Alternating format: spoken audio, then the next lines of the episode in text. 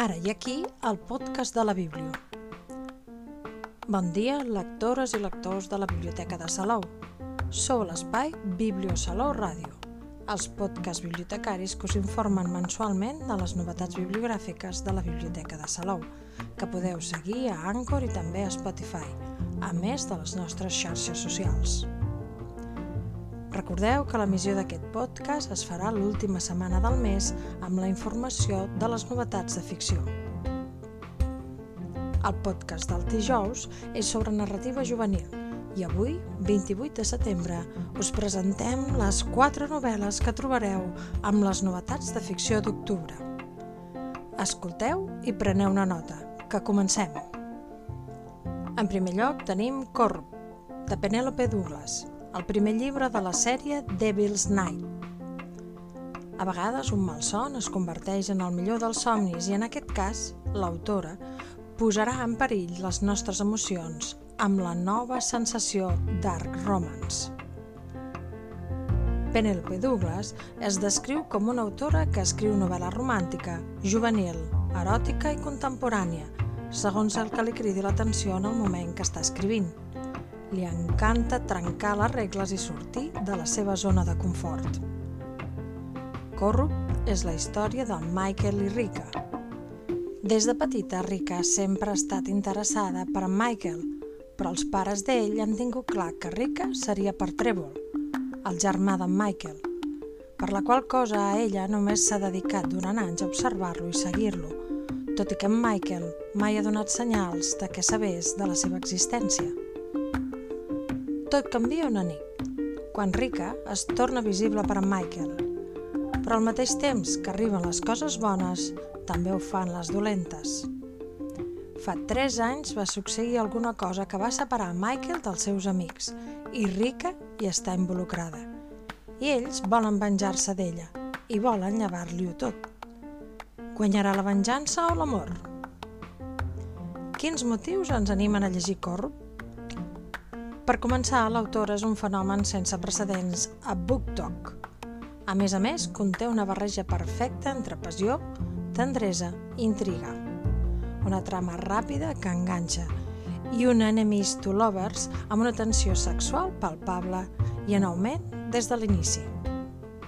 Corrupt és una novel·la recomanada a partir de 16 anys. Seguim amb No te olvidaré, de Colin Hoover, una novel·la commovedora de l'autora de Romper el Círculo. Després de passar cinc anys a la presó pel tràgic error que va costar la vida del seu gran amor Scott, Kenna Rowan torna a casa amb un únic desig, abraçar la seva filla Diem, de 4 anys, que viu amb els pares de l'Scott i a la qual no ha vist des de que va néixer. L'única persona que no li ha tancat la porta per complet és en Ledger, amo del bar local i un dels pocs vincles que li queden amb Diem.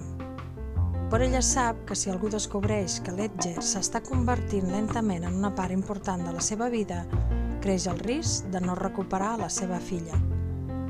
Kena haurà de trobar una manera de reparar els errors del seu passat si vol construir un nou futur amb Ledger.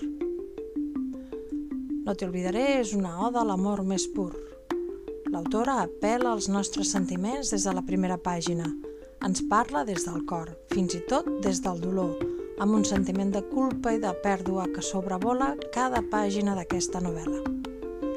Encara que sempre hi ha espai per a reconstruir i tornar a començar. És una novel·la que destila humanitat, on resulta gairebé impossible no sentir-te part de la vida dels personatges. La lectura és àgil, directa, amb una gran quantitat de diàlegs que faciliten el ritme d'una obra que podria semblar una història romàntica convencional, però que va més enllà. El tràgic succés que obre i plena les primeres pàgines d'aquest llibre impregna tota l'obra d'una gravetat que fa encara més catàrtic el seu desenllaç. Continuen les novetats amb Tweet Quit, d'Emma Lord. Inspirada en la pel·lícula Tienes un email, el bestseller de l'estadounidenca Emma Lord és una comèdia romàntica que demostra que en l'amor i a Twitter tot val. La novel·la conté tots els ingredients necessaris per a conquistar els fans de les comèdies romàntiques. Enemies to lovers, molta tensió i un to divertit i optimista. Però a més a més té moltes altres virtuts que van més enllà de la seva faceta romàntica. Després d'una premissa una mica superficial, hi trobem dos protagonistes carismàtics, una trama molt ben construïda i temes tan importants com l'autoexigència, les famílies desestructurades o l'amor propi. La trama gira entorn de la Piper, la filla gran de la família propietària d'una cadena de restaurants a Nova York, i d'en Jack, el fill d'un petit negoci de menjar ràpid de la mateixa ciutat. Els dos es troben en un enfrontament en línia sobre els seus respectius negocis a Twitter, sense saber que també són companys de classe a l'escola. La Piper i en Jack són dos personatges principals adorables i és fàcil simpatitzar amb ells des del principi. La química entre ells és palpable i el seu romans és dolç i encantador. A més, la novel·la té una sèrie de personatges secundaris interessants que afegeixen un toc extra de diversió i diversitat a la història.